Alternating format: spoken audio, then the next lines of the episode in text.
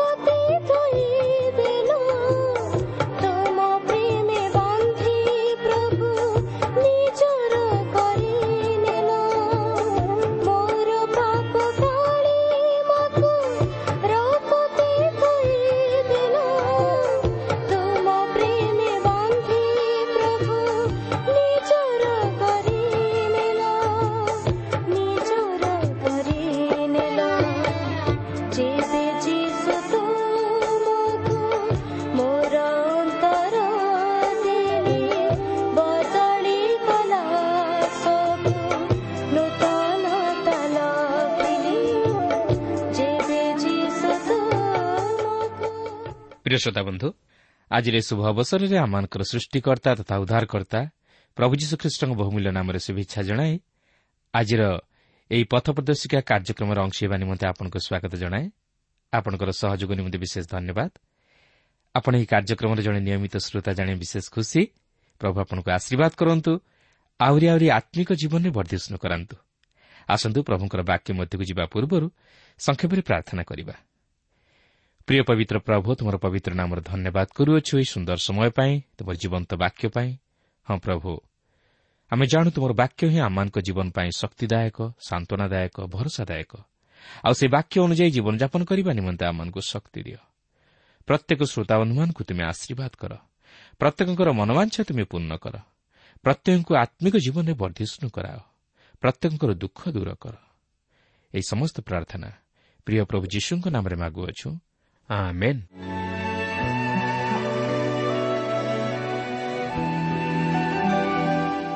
ଆସନ୍ତୁ ବର୍ତ୍ତମାନ ଆମେ ଈଶ୍ୱରଙ୍କର ବାକ୍ୟ ମଧ୍ୟକୁ ଯିବା।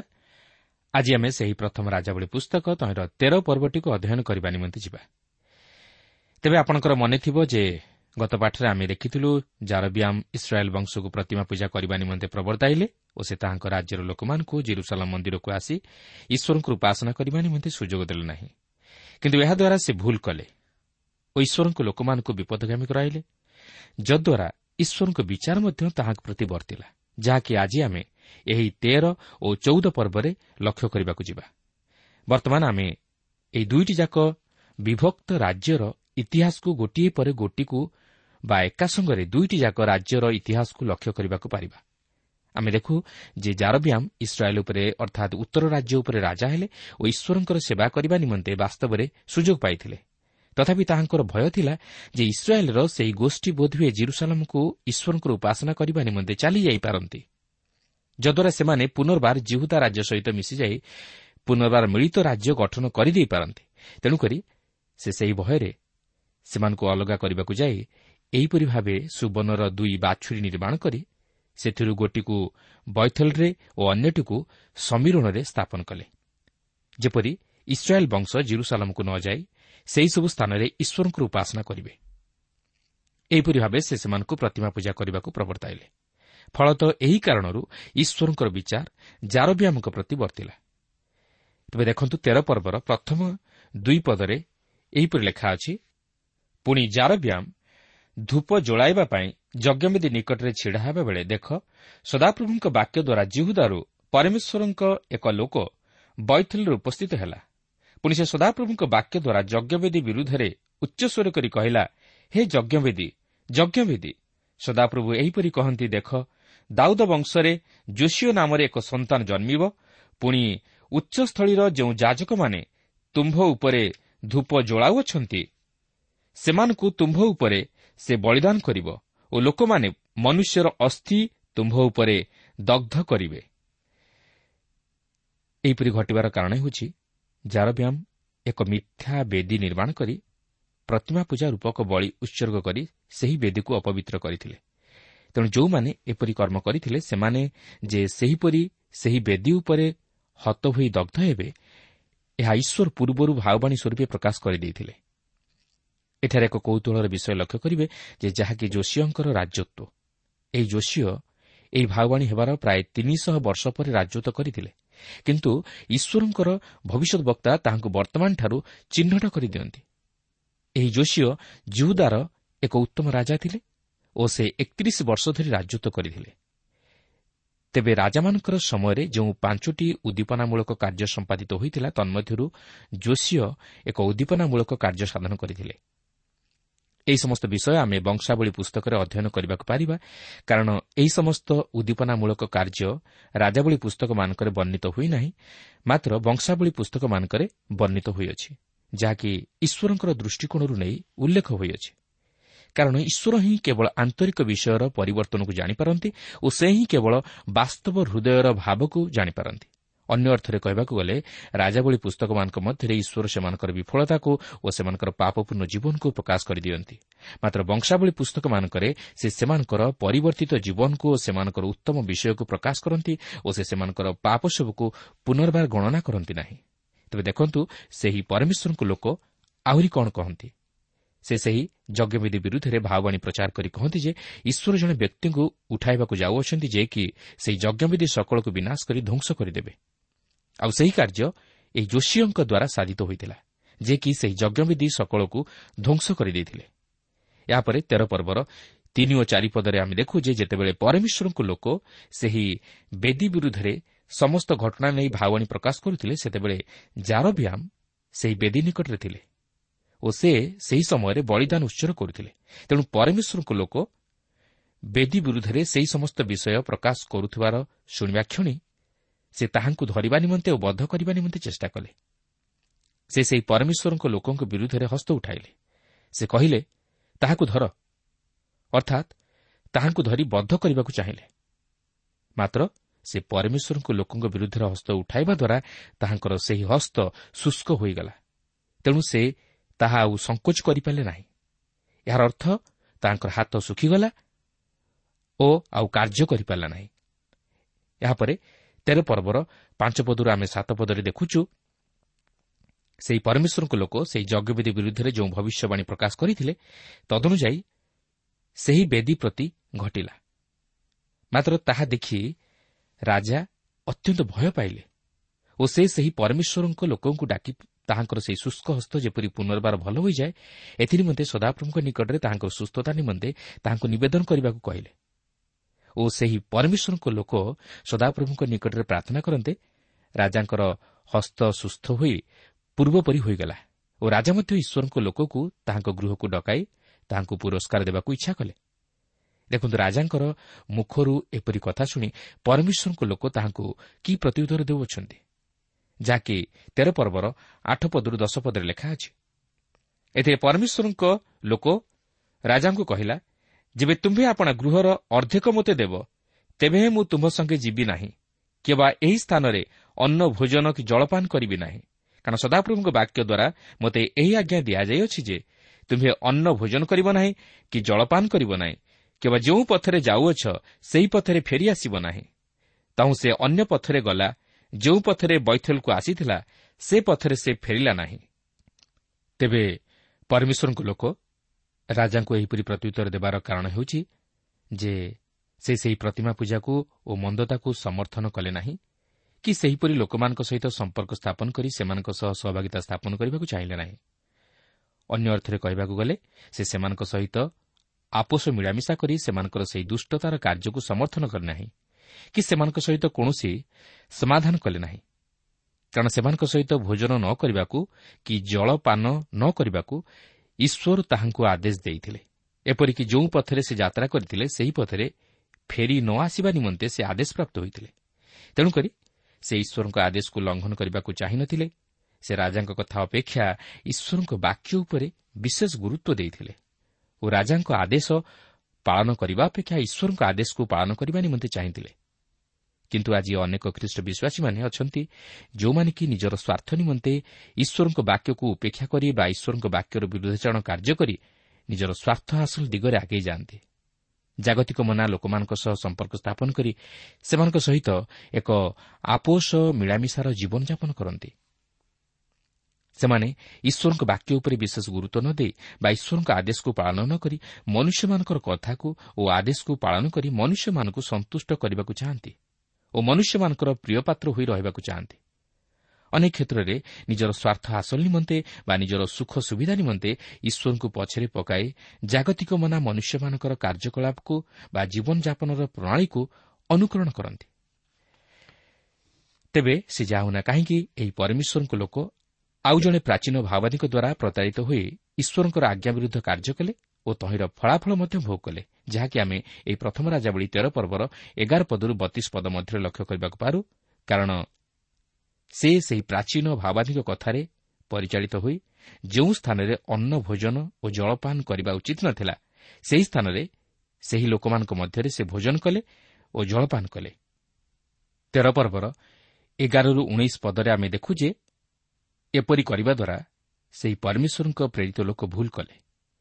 କାରଣ ସେ ଈଶ୍ୱରଙ୍କ ଆଦେଶ ଉପରେ ବିଶ୍ୱାସ ସ୍ଥାପନ ନ କରି ଜଣେ ମନୁଷ୍ୟର କଥା ଉପରେ ବିଶ୍ୱାସ ସ୍ଥାପନ କଲେ ଓ ସେ ମନୁଷ୍ୟ ଦ୍ୱାରା ପ୍ରତାରିତ ହୋଇ ଈଶ୍ୱରଙ୍କର ବିରୁଦ୍ଧଜନ କାର୍ଯ୍ୟ କଲେ।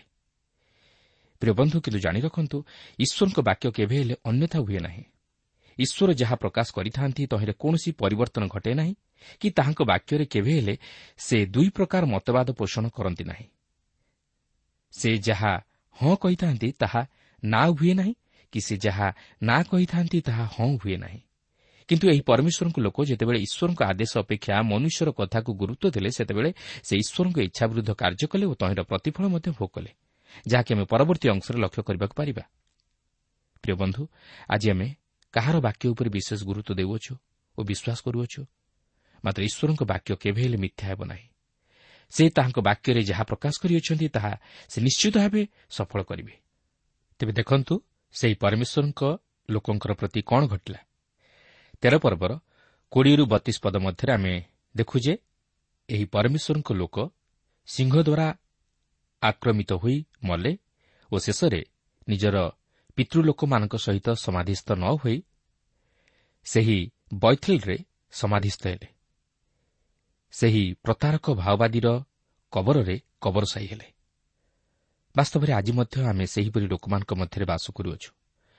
ଆମମାନଙ୍କୁ ମଧ୍ୟ ଅତି ସତର୍କତାର ସହିତ ଜୀବନଯାପନ କରିବାକୁ ହେବ ଓ ଈଶ୍ୱରଙ୍କ ବାକ୍ୟ ଉପରେ ଦୃଢ଼ ବିଶ୍ୱାସ ସ୍ଥାପନ କରିବାକୁ ହେବ। ତାହା ନହେଲେ ଆମେ ସେହି ଶୟତାନର ଶିକାର ହେବା ଓ ସେ ଆମମାନଙ୍କର ଜୀବନକୁ ବିନଷ୍ଟ କରିବ। ତେବେ ଏଠାରେ ଆପଣ ଭାବୁଥିବେ ଯେ ଈଶ୍ୱରଙ୍କର ଲୋକଙ୍କ ସଂସ୍ପର୍ଶରେ ଆସି ଓ ତାହାଙ୍କ ମୁଖରୁ ସମସ୍ତ କଥା ଶୁଣି ଓ ତାହାଙ୍କର ଅସୁସ୍ଥତାରୁ ସୁସ୍ଥତା ପାଇବା ପରେ ଜାରବିଆମଙ୍କ ଜୀବନରେ କିଛି ପରିବର୍ତ୍ତନ ଘଟିଥିବ? ମାତ୍ର ଦୁଃଖର ବିଷୟ ତାଙ୍କ ଜୀବନରେ କୌଣସି ପରିବର୍ତ୍ତନ ଘଟିନଥିଲା ଓ ସେ ସେହିପରି ପୁନର୍ବାର କାର୍ଯ୍ୟ କଲେ। କିନ୍ତୁ ଏହା ତାହାଙ୍କ ନିମନ୍ତେ ବିନାଶର କାରଣ ହେଲା। ଏହାପରେ ତେର ପର୍ବର ତେତିଶ ଓ ଚଉତିରିଶ ପଦ ମଧ୍ୟରେ ଲେଖା ଅଛି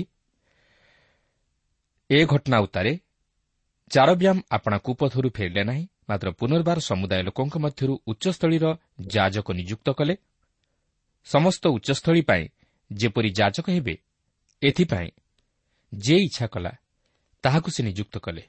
ମାତ୍ର ଏହି କାର୍ଯ୍ୟ ଜାରମିଆ ବଂଶକୁ ଉଚ୍ଛିନ୍ନ କରିବା ପାଇଁ ଓ ପୃଥିବୀରୁ ଲୁପ୍ତ କରିବା ପାଇଁ ତହିଁ ପ୍ରତି ପାପର କାରଣ ହେଲା। କଥାରେ ଅଛି ବିନାଶ ସମୟରେ ବିପରୀତ ବୁଦ୍ଧି। ଯେଉଁ ମନୁଷ୍ୟ ବିନାଶର ସମ୍ମୁଖୀନ ହୁଏ ବା ବିନାଶର ପଥରେ ଅଗ୍ରସର ହୁଏ ତାହା ମନରେ ବିପରୀତ ବୁଦ୍ଧିର କାର୍ଯ୍ୟ ଦେଖାଯାଏ। ଜାରବିଆମଙ୍କ ଜୀବନରେ ତାହା ହିଁ ଘଟିଲା। ମାତ୍ର ଏହି କାର୍ଯ୍ୟ ଜାରବିଆମ ବଂଶକୁ ଉଚ୍ଛିନ୍ନ କରିବା ପାଇଁ ଓ ପୃଥିବୀରୁ ଲୁପ୍ତ କରିବା ପାଇଁ ପାପର କାରଣ ହେଲା। ପ୍ରିୟ ବନ୍ଧୁ ଆମେ ମଧ୍ୟ ସେହିପରି ଏକ ସମୟରେ ଆସି ପହଞ୍ଚିଛୁ ଯେଉଁ ସମୟରେ କି ଅତି ଦୁର୍ଦ୍ଦିନ ସମୟ ଓ ଦୁଷ୍ଟତାରେ ପରିପୂର୍ଣ୍ଣ ଏବଂ ପାପ ତଥା ଅଧର୍ମର ଶୀର୍ଷ ସୀମାରେ ଆସି ଉପନୀତ। କିନ୍ତୁ ଏହିପରି ସମୟରେ ଆମେ ଯଦି ଈଶ୍ୱରଙ୍କ ବାକ୍ୟ ପ୍ରତି ଅଜ୍ଞ ରହୁ ବା ଈଶ୍ୱରଙ୍କ ବାକ୍ୟ ଉପରେ ବିଶ୍ୱାସ ଓ ଭରସା ସ୍ଥାପନ ନ କରୁ ତାହେଲେ ଆମେ ନାନା ପ୍ରକାର ମିଥ୍ୟା ତଥା ଭ୍ରାନ୍ତ ଶିକ୍ଷାରେ ପରିଚାଳିତ ହୋଇ ନିଜର ଜୀବନ ପ୍ରତି ବିନାଶ ଘଟାଇବା ଓ ଶୟତାନର ଶିକାର ହୋଇ ସେହି ଅନନ୍ତ ନରକ ମଧ୍ୟକୁ ଗମନ କରିବା। ତେଣୁ ଆସୁ ସେଥିପ୍ରତି ସତର୍କ ରହି ଈଶ୍ୱରଙ୍କ ବାକ୍ୟକୁ ନିଜର ଜୀବନରେ ପ୍ରଥମ ସ୍ଥାନ ଦେଇ ସେହି ବାକ୍ୟ ଅନୁଯାୟୀ ଜୀବନଯାପନ କରିବା ନିମନ୍ତେ ଚେଷ୍ଟା କରୁ। ବର୍ତ୍ତମାନ ଆମେ ଏହି ପ୍ରଥମ ରାଜାବଳୀ ପୁସ୍ତକର ଚଉଦ ପର୍ବ ମଧ୍ୟକୁ ଯିବା। ଏହି ଚଉଦ ପର୍ବରେ ବିଭକ୍ତ ରାଜ୍ୟର ରାଜାମାନଙ୍କର ଅର୍ଥାତ୍ ଜାରବ୍ୟାମ୍ ଓ ରିହବ୍ୟାମ୍ଙ୍କର ମର୍ମନ୍ତୁଦ କାହାଣୀ ପ୍ରତି ଦୃଷ୍ଟିପାତ କରିବାକୁ ଯିବା। ଆପଣ ଜାଣି ରଖିବା ଉଚିତ ଯେ ଇସ୍ରାଏଲ୍ ରାଜ୍ୟ ଅର୍ଥାତ୍ ଉତ୍ତର ରାଜ୍ୟର କୌଣସି ଉତ୍ତମ ରାଜା ନଥିଲେ। ମାତ୍ର ଦକ୍ଷିଣ ରାଜ୍ୟର ଅର୍ଥାତ୍ ଜିହୁଦା ରାଜ୍ୟର କେତେକ ଉତ୍ତମ ରାଜା ଥିଲେ। ଇସ୍ରାଏଲ୍ର ଉଣେଇଶ ଜଣ ରାଜାମାନଙ୍କ ମଧ୍ୟରୁ ଜଣେ ହେଲେ ଉତ୍ତମ ରାଜା ନଥିଲେ। ମାତ୍ର ଜିହୁଦାର କୋଡ଼ିଏ ଜଣ ରାଜାଙ୍କ ମଧ୍ୟରୁ ବାର ଜଣ ଦୁଷ୍ଟ ରାଜା ଥିଲେ ଓ ଆଠ ଜଣ ଉତ୍ତମ ରାଜା ଥିଲେ ଓ ସେହି ଆଠ ଜଣ ଉତ୍ତମ ରାଜାଙ୍କ ମଧ୍ୟରୁ ପାଞ୍ଚ ଜଣ ଅତି ଉତ୍ତମ ରାଜା ଥିଲେ ଯାହାକି ଆମେ ପରେ ଅଧ୍ୟୟନ କଲେ ଜାଣିବାକୁ ପାରିବା। ତେବେ ଏହି ଚଉଦ ପର୍ବର ବିଷୟବସ୍ତୁ ଏହିପରି ଆରମ୍ଭ ହୁଏ ଜାରବ୍ୟାମ୍ ତାଙ୍କର ସ୍ତ୍ରୀଙ୍କୁ ଅହିୟ ଭବିଷ୍ୟତ ବକ୍ତାଙ୍କ ନିକଟକୁ ପଠାନ୍ତି କାରଣ ଜାରବିଆମଙ୍କର ପୁତ୍ର ଅତି ଅସୁସ୍ଥ ହୋଇପଡ଼ିଥିଲେ। କିନ୍ତୁ ଅହିୟଙ୍କ ମାଧ୍ୟମରେ ସଦାପ୍ରଭୁ ଜାରବିଆମଙ୍କୁ ଜଣାଇ ଦେଇଥିଲେ ଯେ ତାହାଙ୍କ ପୁତ୍ର ନିଶ୍ଚୟ ମରିବ ଓ ଏଥିସହିତ ତାହାଙ୍କ ପରିବାର ପ୍ରତି ଯେ ଈଶ୍ୱରଙ୍କ ବିଚାର ବର୍ତ୍ତିବାକୁ ଯାଉଅଛି ତାହା ଭାଓବାଣୀ ଆକାରରେ ପ୍ରକାଶ କରିଦେଇଥିଲେ ବର୍ତ୍ତମାନ ଆମେ ଜାରବିଆମଙ୍କ ଉପରେ ଈଶ୍ୱରଙ୍କର ଯେଉଁ ବିଚାର ବର୍ତ୍ତିବାକୁ ଯାଉଥିଲା ତାହା ଲକ୍ଷ୍ୟ କରିବାକୁ ଯିବା। କାରଣ ମନୁଷ୍ୟ ପାପ କରିବା ଦ୍ୱାରା ଈଶ୍ୱରଙ୍କ ବିଚାରର ସମ୍ମୁଖୀନ ହୁଏ। ଦେଖନ୍ତୁ ଚଉଦ ପର୍ବର ପ୍ରଥମ ଛଅ ପଦରେ ଏହିପରି ଲେଖା ଅଛି ସେହି ସମୟରେ ଜାରବ୍ୟାମଙ୍କର ପୁତ୍ର ଅବିୟ ପୀଡ଼ିତ ହେଲା। ତହୁଁ ଜାରବ୍ୟାମ ଆପଣା ଭାର୍ଯ୍ୟାକୁ କହିଲେ ମୁଁ ବିନୟ କରୁଅଛି ଉଠ।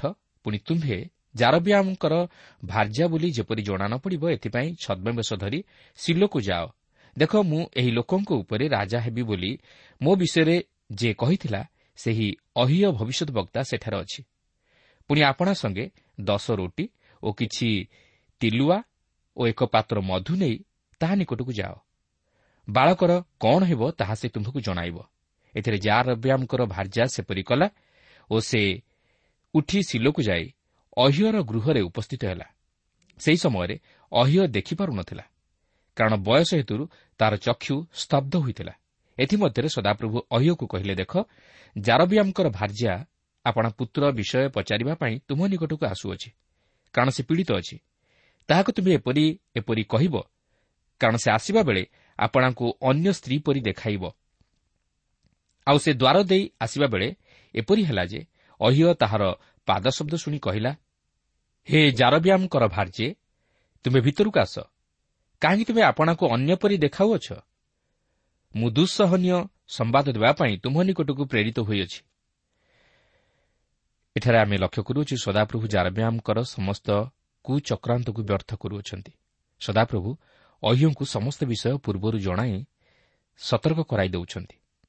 କାରଣ ଜାରବ୍ୟାମ ଆପଣା ପୁତ୍ରର ଅବସ୍ଥା କ'ଣ ହେବ ତାହା ଜାଣିବା ନିମନ୍ତେ ଆପଣାର ସ୍ତ୍ରୀକୁ ଛଦ୍ମବେଶ ଧାରଣ କରି ଅହିଙ୍କ ନିକଟକୁ ଯିବାକୁ କହିଥିଲା। ମାତ୍ର ଅହିୟ ପୂର୍ବରୁ ସେହି ସମସ୍ତ ବିଷୟ ଜାଣିପାରିଥିଲେ ଯେହେତୁ ସଦାପ୍ରଭୁ ତାହାଙ୍କୁ ଜଣାଇ ଦେଇଥିଲେ। ତେଣୁ ସେ ସେହି ଛଦ୍ମବେଶ ଧାରଣୀ ସ୍ତ୍ରୀର ପାଦ ଶବ୍ଦ ଶୁଣି ତାହାକୁ କହିଲେ ହେ ଜାରବ୍ୟାମଙ୍କର ଭାର୍ଯ୍ୟେ ତୁମେ ଭିତରକୁ ଆସ। କାହିଁକି ତୁମେ ଆପଣଙ୍କୁ ଅନ୍ୟ ପରି ଦେଖାଉଅଛ? ମୁଁ ଦୁଃସହନୀୟ ସମ୍ବାଦ ଦେବା ପାଇଁ ତୁମ ନିକଟକୁ ପ୍ରେରିତ ହୋଇଅଛି। ତେବେ ଦେଖନ୍ତୁ ଆଗକୁ କ'ଣ ଘଟିବା ପାଇଁ ଯାଉଅଛି। ଚଉଦ ପର୍ବର ସାତ ଓ ଆଠ ପଦରେ ଆମେ ଦେଖୁ ଯେ ଜାରବ୍ୟାମକୁ ଈଶ୍ୱର ଇସ୍ରାଏଲ୍ର ରାଜପଦରେ ପ୍ରତିଷ୍ଠିତ କରାଇଲେ। ସେ ଦାଉଦଙ୍କ ବଂଶଠାରୁ ରାଜ୍ୟ ଚିରି ନେଇ ତାହାଙ୍କୁ ଦେଲେ। ତଥାପି ସେ ଈଶ୍ୱରଙ୍କ ପ୍ରତି ଆନୁଗତ୍ୟ ସ୍ୱୀକାର କଲେ ନାହିଁ କି ଈଶ୍ୱରଙ୍କର ସନ୍ତୋଷଜନକ କାର୍ଯ୍ୟ କଲେ ନାହିଁ କି ଦାଉଦଙ୍କର ଆଦର୍ଶରେ ଅନୁପ୍ରାଣିତ ହେଲେ ନାହିଁ। ହଁ ଦାଉଦ ଯଦିଓ ପାପ କରିଥିଲେ ମାତ୍ର ସେ ତହିଁ ନିମନ୍ତେ ଅନୁତାପ କରିଥିଲେ ଓ ତାହା ସ୍ୱୀକାର କରି ତହିଁରୁ ପୃଥକୀକୃତ ଜୀବନଯାପନ କରିଥିଲେ। ସେ ଈଶ୍ୱରଙ୍କ ଆଜ୍ଞା ସମସ୍ତ ପାଳନ କରିଥିଲେ ଓ ଈଶ୍ୱରଙ୍କ ଦୃଷ୍ଟିରେ ଯାହା ଭଲ ତାହା ହିଁ କରିଥିଲେ। ଓ କେବଳ ତାହା ହିଁ ସାଧନ କରିବା ପାଇଁ ଆପଣାର ସର୍ବାନ୍ତକରଣ ସହିତ ତାହାଙ୍କର ଅନୁଗତ ହୋଇଥିଲେ। କିନ୍ତୁ ଚାରବିୟାମ ତାହା କରିନଥିଲେ ସେ ନିଜର ପାପ ନିମନ୍ତେ ଶାସ୍ତି ଭୋଗ କଲେ ଓ ତହିଁରୁ ଉଦ୍ଧାର ପାଇଲେ ମଧ୍ୟ ଆପଣାର ଅନ୍ତଃକରଣ କଠିନ କଲେ। ଓ ପୂର୍ବପରି ଦୁଷ୍ଟତା ଓ ଅଧର୍ମରେ କାଳକ୍ଷେପଣ କଲେ। ସେ ନିଜର ପାପ ନିମନ୍ତେ ମଧ୍ୟ ଅନୁତାପ କଲେ ନାହିଁ। ମାତ୍ର ଶକ୍ତଗ୍ରୀବ ହୋଇ ଈଶ୍ୱରଙ୍କ ଇଚ୍ଛା ବିରୁଦ୍ଧ କାର୍ଯ୍ୟ କଲେ ଓ ଶେଷରେ ଈଶ୍ୱରଙ୍କ ବିଚାରର ସମ୍ମୁଖୀନ ହେଲେ। ଆପଣ ଦେଖନ୍ତୁ ଏଠାରେ ଦାଉଦ ଉଭୟ ଉତ୍ତର ରାଜ୍ୟର ଓ ଦକ୍ଷିଣ ରାଜ୍ୟର ରାଜାମାନଙ୍କର ନିମନ୍ତେ ଏକ ନମୁନା ସ୍ୱରୂପେ ଉପସ୍ଥାପିତ କରାଯାଇଅଛନ୍ତି। ଉଭୟ ରାଜ୍ୟର ରାଜାମାନଙ୍କ ନିମନ୍ତେ ସେ ଏକ ଆଦର୍ଶ। କିନ୍ତୁ ଜାରବ୍ୟାମ୍ ଦାଉଦଙ୍କର ଆଦର୍ଶକୁ ଅନୁକରଣ କରିପାରିଲେ ନାହିଁ। ସେ ଦାଉଦଙ୍କ ପରି ଈଶ୍ୱରଙ୍କ ଆଜ୍ଞାବହ ହେଲେ ନାହିଁ। ତେଣୁ ଈଶ୍ୱର ମଧ୍ୟ ତାହାଙ୍କୁ ଦୂରେଇ ଦେଉଛନ୍ତି ଓ ତାହାଙ୍କଠାରୁ ସେହି ରାଜତ୍ୱ ପଦ କାଢ଼ି ନେଇ ଆଉ ଜଣେ ବ୍ୟକ୍ତିଙ୍କୁ ଦେବାକୁ ଯାଉଅଛନ୍ତି। ଦେଖନ୍ତୁ ସଦାପ୍ରଭୁ ଅହ୍ୟଙ୍କ ମୁଖ ଦ୍ୱାରା ଜାରବିୟାମଙ୍କ ବିଷୟ ନେଇ ଆଉ କ'ଣ ପ୍ରକାଶ କରନ୍ତି? ଚଉଦ ପର୍ବର ନଅ ପଦରୁ ଷୋହଳ ପଦ ମଧ୍ୟରେ ଦେଖନ୍ତୁ ଲେଖା ଅଛି ମାତ୍ର ତୁମ୍ଭ ପୂର୍ବରେ ଯେଉଁମାନେ ଥିଲେ ସେ ସମସ୍ତଙ୍କ ଅପେକ୍ଷା ତୁମ୍ଭେ ଅଧିକ କୁକର୍ମ କରିଅଛ। ପୁଣି ଆମ୍ଭକୁ ବିରକ୍ତ କରିବା ପାଇଁ ତୁମ୍ଭେ ଯାଇ ଆପଣା ନିମନ୍ତେ ଅନ୍ୟ ଦେବଗଣ ଓ ଛାଞ୍ଚରେ ଢଳା ପ୍ରତିମାମାନ ନିର୍ମାଣ କରିଅଛ ଓ ଆମ୍ଭକୁ ଆପଣା ପଛଆଡ଼େ ପକାଇ ଦେଇଅଛ। ଏଠୁ ଦେଖ ଆମ୍ଭେ ଜାରବିୟାମ ବଂଶ ପ୍ରତି ଅମଙ୍ଗଳ ଘଟାଇବା ପୁଣି ଇସ୍ରାଏଲ୍ ମଧ୍ୟରେ ବଦ୍ଧ ବା ମୁକ୍ତ ପ୍ରତ୍ୟେକ ପୁଙ୍ଗ ସନ୍ତାନକୁ ଜାରବିୟାମଠାରୁ ଲୋପ କରିବା ଓ ଯେପରି କୌଣସି ମନୁଷ୍ୟ ମଇଳା ସମ୍ପୂର୍ଣ୍ଣ ଯିବା ପର୍ଯ୍ୟନ୍ତ ଝାଟୋଇ ଦିଏ ସେପରି ଆମ୍ଭେ ଜାରବ୍ୟାମ ଗୃହକୁ ନିଶେଷରେ ଝାଟୋଇ ଦେବା। ଜାରବ୍ୟାମର କେହି ନଗରରେ ମଲେ କୁକୁରମାନେ ତାକୁ ଖାଇବେ ଓ କେହି କ୍ଷେତ୍ରରେ ମଲେ ଆକାଶର ପକ୍ଷୀମାନେ ତାକୁ ଖାଇବେ। କାରଣ ସଦାପ୍ରଭୁ ଏହା କହିଅଛନ୍ତି ଏ ନିମନ୍ତେ ତୁମ୍ଭେ ଉଠି ଆପଣା ଗୃହକୁ ଯାଅ ନଗରରେ ତୁମ୍ଭ ପାଦ ପଡ଼ିଲା କ୍ଷଣେ ବାଳକ ମରିବ। ପୁଣି ତାହା ନିମନ୍ତେ ସମୁଦାୟ ଇସ୍ରାଏଲ୍ ଶୋକ କରି ତାହାକୁ କବର ଦେବେ ମାତ୍ର ଜାରବ୍ୟାମ୍ ସମ୍ପର୍କୀୟ କେବଳ ସେ କବର ପାଇବ। କାରଣ ଜାରବ୍ୟାମ୍ ବଂଶ ମଧ୍ୟରେ ସଦାପ୍ରଭୁ ଇସ୍ରାଏଲ୍ର ପରମେଶ୍ୱରଙ୍କ ପ୍ରତି ତାହାରିଠାରେ କିଛି ସଦ୍ଭାବ ଦେଖାଯାଏ। ଆହୁରି ସଦାପ୍ରଭୁ ଆପଣା ପାଇଁ ଇସ୍ରାଏଲ୍ ଉପରେ ଏକ ରାଜା ଉତ୍ପନ୍ନ କରିବେ ସେ ସେହିଦିନ ଜାରବ୍ୟାମ୍ ବଂଶକୁ ଛିନ୍ନ କରିବ ମାତ୍ର କ'ଣ? ଏବେ ତାହା ଘଟିବ।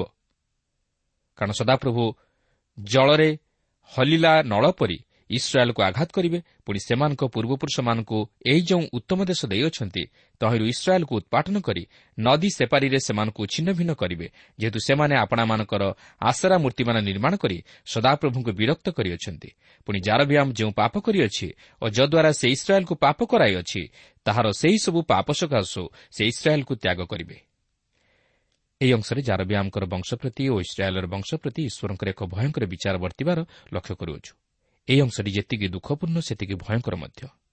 କାରଣ ଜାରବିୟାମଙ୍କର ପାପ ଲାଗି କେବଳ ତାହାଙ୍କର ପରିବାର ପ୍ରତି ନୁହେଁ ତାହାଙ୍କର ବଂଶ ପ୍ରତି ଓ ଇସ୍ରାଏଲ୍ର ବଂଶ ପ୍ରତି ମଧ୍ୟ ଈଶ୍ୱରଙ୍କର ବିଚାର ବର୍ତ୍ତିଲା। କେବଳ ଜାରବିୟାମଙ୍କର ଏହି ପୀଡ଼ିତ ପୁତ୍ର ବ୍ୟତୀତ ଆଉ କେହି ଜଣେ ହେଲେ ସମାଧି ପାଇଲେ ନାହିଁ ଓ ତାହାଙ୍କର ବଂଶ ଅଭିଶପ୍ତ ବଂଶ ବୋଲି ଖ୍ୟାତ ହେଲେ। ତାହାଙ୍କ ବଂଶରୁ କେହି ଏପରିକି ସମାଧି ପାଇପାରିଲେ ନାହିଁ ମାତ୍ର କୁକୁରମାନଙ୍କ ଦ୍ୱାରା ଓ ଆକାଶର ପକ୍ଷୀମାନଙ୍କ ଦ୍ୱାରା ଭକ୍ଷିତ ହେଲେ। ଏପରିକି ଇସ୍ରାଏଲ୍ ବଂଶ ଛିନ୍ନ ଭିନ୍ନ ହୋଇଗଲେ। ଏହାଠାରୁ ଭଳି ଦୁଃଖର ବିଷୟ ଆଉ କ'ଣ ଥାଇପାରେ? ତେବେ ଏହି ସମସ୍ତ ଘଟିବ ବୋଲି ଏଠାରେ ଅହ୍ୟ ଭାବାଦୀଙ୍କ ଦ୍ୱାରା ଈଶ୍ୱର ଯାହା ପ୍ରକାଶ କରିଥିଲେ ଠିକ୍ ସେହିପରି ମଧ୍ୟ ସେମାନଙ୍କ ପ୍ରତି ଘଟିଲା ଯାହାକି ଆମେ ପରେ ଅଧ୍ୟୟନ କଲେ ଜାଣିବାକୁ ପାରିବା। ଦେଖନ୍ତୁ ସେହି ସମସ୍ତ ବିଷୟ କିପରି ଗୋଟିକ ପରେ ଗୋଟିଏ ଘଟିବାକୁ ଯାଉଅଛି। ଚଉଦ ପର୍ବର ସତରରୁ ଅଠର ପଦରେ ଆମେ ଦେଖୁ ଯେ ସଦାପ୍ରଭୁ ଆପଣା ଦାସ ଅହ୍ୟ ଭବିଷ୍ୟତ ବକ୍ତାଙ୍କ ହସ୍ତରେ ଯେପରି କହିଥିଲେ ତଦନୁସାରେ ଘଟିଲା। ଜାରବ୍ୟାମଙ୍କର ପୁତ୍ର ମୃତ୍ୟୁବରଣ କଲା ଓ ସମସ୍ତ ଇସ୍ରାଏଲ୍ ତାହାକୁ କବର ଦେଲେ ଓ ତାହା ପାଇଁ ଶୋକ କଲେ। ବାସ୍ତବରେ ଈଶ୍ୱରଙ୍କ ବାକ୍ୟ କେବେ ହେଲେ ବ୍ୟର୍ଥ ହୁଏ ନାହିଁ। ଏହା ନିଶ୍ଚିତ ସଫଳ ହୁଏ। ଜାରବିୟାମଙ୍କର ପୁତ୍ର ମଲା ଓ ତାହାଙ୍କ ବଂଶ ମଧ୍ୟରେ କେବଳ ଏହି ଜଣକ କବର ପାଇଲା କିନ୍ତୁ ଅନ୍ୟମାନେ କବର ପାଇପାରିଲେ ନାହିଁ। ମାତ୍ର ସେମାନଙ୍କ ଶବ କୁକୁରମାନଙ୍କ ଦ୍ୱାରା ଓ ଆକାଶର ପକ୍ଷୀମାନଙ୍କ ଦ୍ୱାରା ଭକ୍ଷିତ ହେଲା।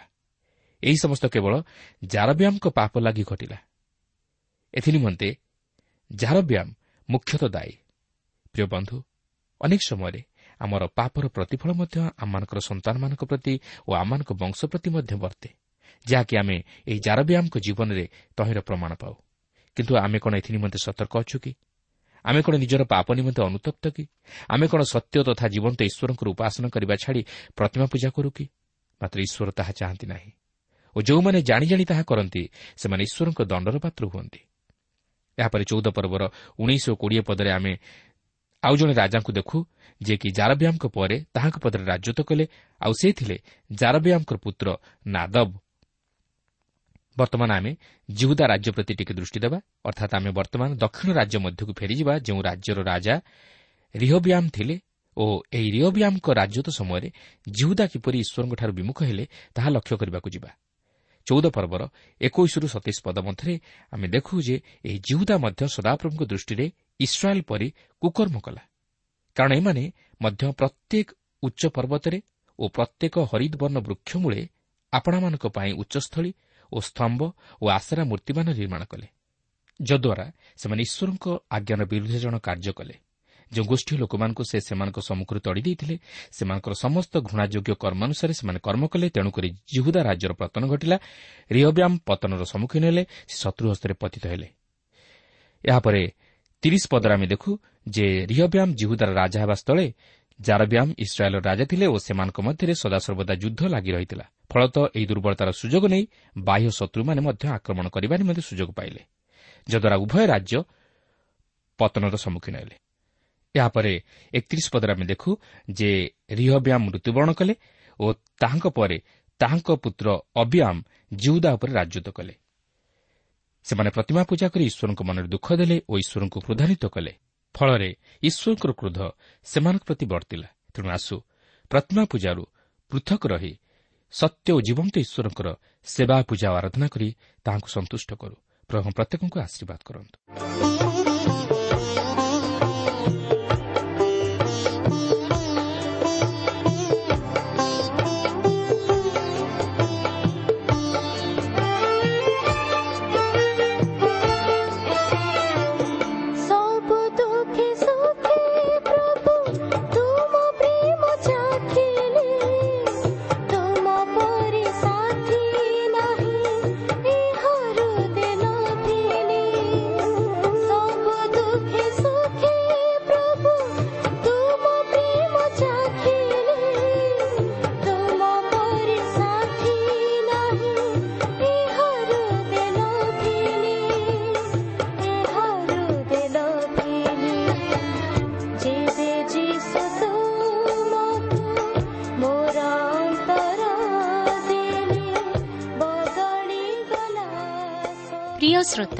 ଏହି କାର୍ଯ୍ୟକ୍ରମ ଶୁଣିଥିବାରୁ ଆପଣଙ୍କୁ ଅଶେଷ ଧନ୍ୟବାଦ। ଏହି କାର୍ଯ୍ୟକ୍ରମ ଆପଣଙ୍କୁ କିପରି ଲାଗିଲା ଓ କେଉଁ ବିଷୟଟି ଆପଣଙ୍କ ହୃଦୟକୁ ଅଧିକ ସ୍ପର୍ଶ କରିଛି ତାହା ଲେଖି ଜଣାଇଲେ ଆମେ ବିଶେଷ ଉପକୃତ ହେବୁ। ଯଦି କିଛି ପ୍ରଶ୍ନ ବା ସନ୍ଦେହ ଥାଏ ତାହା ପତ୍ର ମାଧ୍ୟମରେ ଅଥବା ଟେଲିଫୋନ୍ ଯୋଗେ ଆମକୁ ଜଣାନ୍ତୁ। ଆମର ଠିକଣା ପଥ ପ୍ରଦର୍ଶିକା Trans World Radio India post box number তিন তিন ভুবনেশ্বর সাত পাঁচ এক শূন্য শূন্য এক। Mobile number nine seven double seven double two one four one five. ঠিকনাটি আউথরে শুণন্তু পথ প্রদর্শিকা Trans World Radio India post box number three three Bhubaneswar seven five one zero zero one. Mobile number nine seven double seven double two one four one five. ଆମର email ଆଡ୍ରେସଟି ଲେଖି ରଖନ୍ତୁ Odia TTV at radio eight eight two dot com ତେବେ ଆଜି ପାଇଁ ଏଠାରେ ରଖୁଛୁ। ନମସ୍କାର। ବଦଳି ଗଲା